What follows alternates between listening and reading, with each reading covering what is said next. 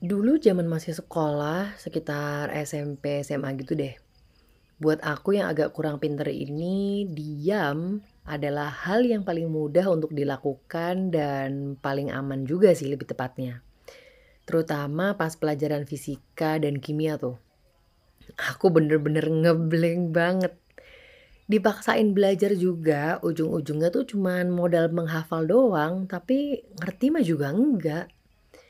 Jadi tiap kali mata pelajaran itu, aku pasti ambil posisi duduk paling belakang nih, biar nggak terlalu kelihatan guru. Pas gurunya nanya, ada yang masih nggak ngerti? Walaupun aku nggak ngerti, tapi aku ya mending diam aja. Because I don't even know what I don't know. Terus nanti nih, kalau gurunya udah mulai bilang, siapa yang bisa ngerjain soal di papan ini? Lagi-lagi aku milih diam, menghindari eye contact sambil terus khusyuk berdoa supaya bukan namaku yang dipanggil maju. Kalau ada konflik internal geng tuh juga kayak gitu. Aku jarang banget mau ikut urun rembuk gitu ya untuk nyelesain masalah. Karena aku pikir waktu itu udah ada anak-anak lain yang lebih berpengalaman dan lebih solutif daripada aku. Nah, seiring berjalannya waktu, kayaknya sejak zaman kuliah deh, aku jadi jarang diem.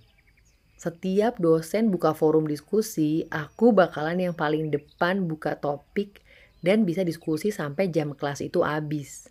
Bahkan kadang kepending sampai minggu depan. Setiap ada orang yang lempar argumentasi nggak logis ke aku, bawaannya tuh pengen aku jabanin sampai kadang ke bawah emosi. Kalau ditegur sama dosen, bawaannya pengen ngejawab aja. Ya, tapi FYI, kampusku ini emang gitu ya culture-nya.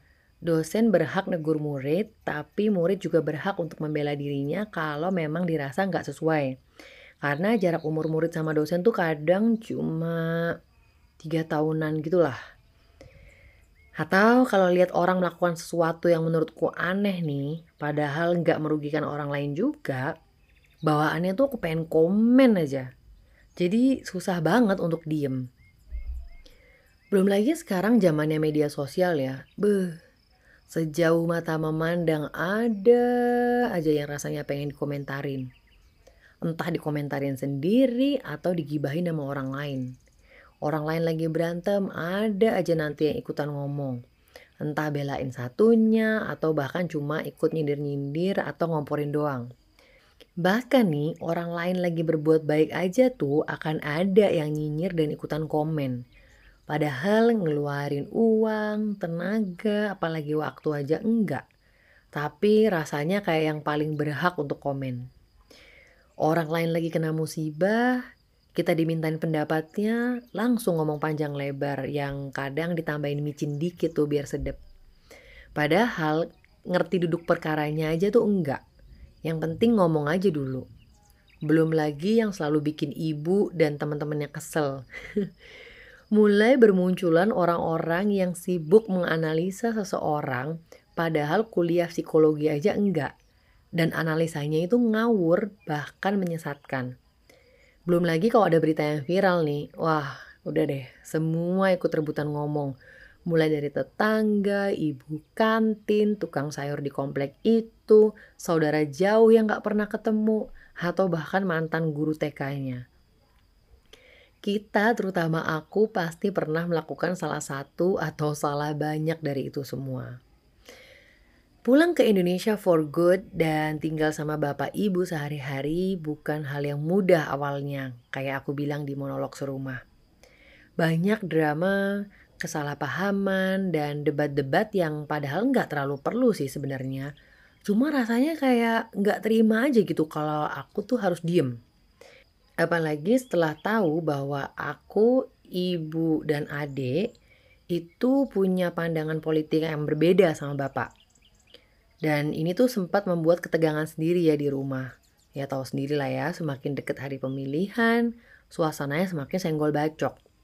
Atau entah dapat info dari grup WhatsApp mana, tiba-tiba nyeletuk tentang agama, terus kayak buka forum gitu buat diskusi. Nah, tapi pas aku sama adik berusaha kasih argumentasi yang logis, endingnya malah kita berdebat kusir dan bahkan waktu itu uh, di saat bapak udah nggak punya lagi argumentasi, akhirnya ngomong. Ya kamu belajar agama tuh bener tak kurang ajar gini sama orang tua. Aku dan Ade langsung diem. Terus kita menyudahi pembicaraan walaupun rasanya tuh kayak masih kesel banget gitu. Kita ngerasa bener dan mau berusaha ngasih tahu bapak, tapi ketika bapak nggak bisa terima, keluarlah kalimat pamungkas itu. Diam itu emas. Peribahasa yang sejak SD udah aku dengar dan uh, mungkin gak ada orang di Indonesia ya yang belum pernah dengar peribahasa ini. Yes, we all hear it, but do we really understand it? Bu, kenapa diam itu emas? Kenapa bukan perak atau perunggu? Itu pertanyaan yang dulu aku pernah tanyain ke guru SD ku. Tapi jawaban beliau pun masih belum bisa aku terima. Sampai akhirnya Allah mampukan aku untuk memahami maksud sebenarnya dari peribahasa itu. Kenapa emas? Kenapa bukan perak atau perunggu? Karena untuk mendapatkan emas itu nggak mudah. Untuk menang medali emas aja, seorang atlet harus menahan semua keinginannya buat hura-hura dan fokus untuk latihan yang sungguh-sungguh. Untuk kita bisa beli emas pun butuh usaha dan kerja keras yang gak main-main. Kadang bahkan sampai harus menahan diri dari beli barang-barang yang gak terlalu penting supaya bisa nabung beli emas. Dan itulah yang terjadi di era media sosial ini. Itulah yang aku sendiri rasakan. Diam itu sulit.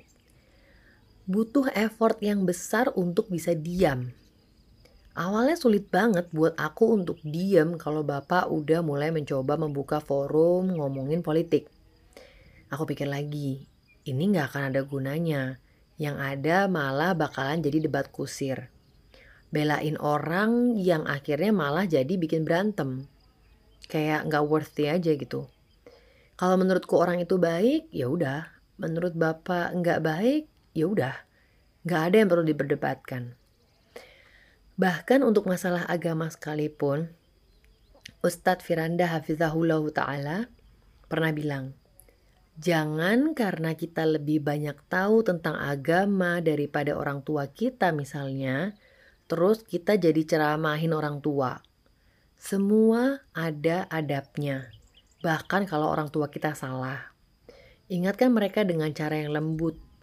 Kalau itu ternyata nggak bisa, ya udah, Berdoa sungguh-sungguh supaya Allah lembutkan hati orang tua kita untuk bisa melihat yang benar itu benar dan yang salah itu salah. Karena ingat, kita bisa belajar banyak sampai sebesar ini, salah satunya adalah karena kerja keras orang tua. Kita tahu bagaimana caranya berbicara aja itu karena didikan orang tua. Jadi, jangan gunakan mulut yang dulu mereka ajarkan bicara ini untuk menyakiti hatinya. Kalaupun bapak dan ibu salah paham dengan apa yang aku lakukan, kalau aku masih bisa diam, aku akan coba sedaya upaya untuk tetap diam. Kalaupun terpaksa harus menjawab, aku nggak akan jawab panjang lebar. Lihat ada orang melakukan hal yang menurutku aneh, ya udah skip aja, nggak usah dikomentarin ada orang yang jelek-jelekin aku di depan orang lain, ya udah biarin aja. I don't need to explain myself because people who know me don't need my explanation and people who hate me won't believe my explanation. Well, what I'm trying to say is, kadang tanpa kita sadari, keruwetan dan kesulitan hidup kita itu bersumber dari ketidakmampuan kita untuk diam. We just can't keep our mouth shut. Well, at least for me, setelah pelan-pelan dan terus aku coba untuk jadi lebih banyak diam, hidupku tuh ternyata jadi jauh lebih tenang. Jadi nggak emosian, jadi lebih santai, dan perubahan ini juga berimbas ke sekelilingku. Bapak jadi nggak terlalu tegang kalau ngobrol sama aku dan adik karena mungkin bapak ngerasa bahwa aku dan adik nggak akan mendebat. Aku jadi jarang salah paham sama ibu karena kalaupun ibu yang salah Dengan aku diam aja, setidaknya ibu nggak akan makin marah. Setelah itu nggak lama, ibu biasanya bisa ngerti sendiri apa maksudku yang sebenarnya tanpa aku perlu jelasin apalagi ngebantah. Karena rupanya dengan diam itu, ibu jadi punya space untuk pelan-pelan mengerti maksudku. Kalau ada orang yang datang ke aku bawa berita tentang sesuatu yang salah, aku akan coba untuk nggak ikutan komen yang akhirnya malah jadi gibah. Paling aku bakalan cuma ngajakin untuk sama-sama doain orang itu supaya dia bisa dapat hidayah. Kalau ada hal yang aku nggak suka tapi nggak punya pengetahuan tentang itu, ya aku nggak akan komen. Daripada nantinya malah jadi blunder dan dihujat banyak orang. Aku mencoba diam kalau bicaraku malah akan menyakiti hati orang lain. Aku mencoba diam kalau bicaraku itu sia-sia. Bismillah.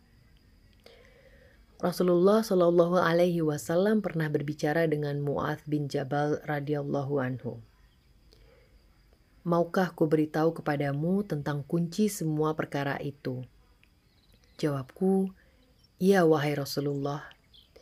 Maka beliau memegang lidahnya dan bersabda, jagalah ini. Aku bertanya, wahai Rasulullah, apakah kami dituntut atau disiksa karena apa yang kami katakan? Maka beliau bersabda, Celaka engkau, adakah yang menjadikan orang menyungkurkan mukanya di dalam neraka selain ucapan lisan mereka? Hadis riwayat Tirmizi nomor 2616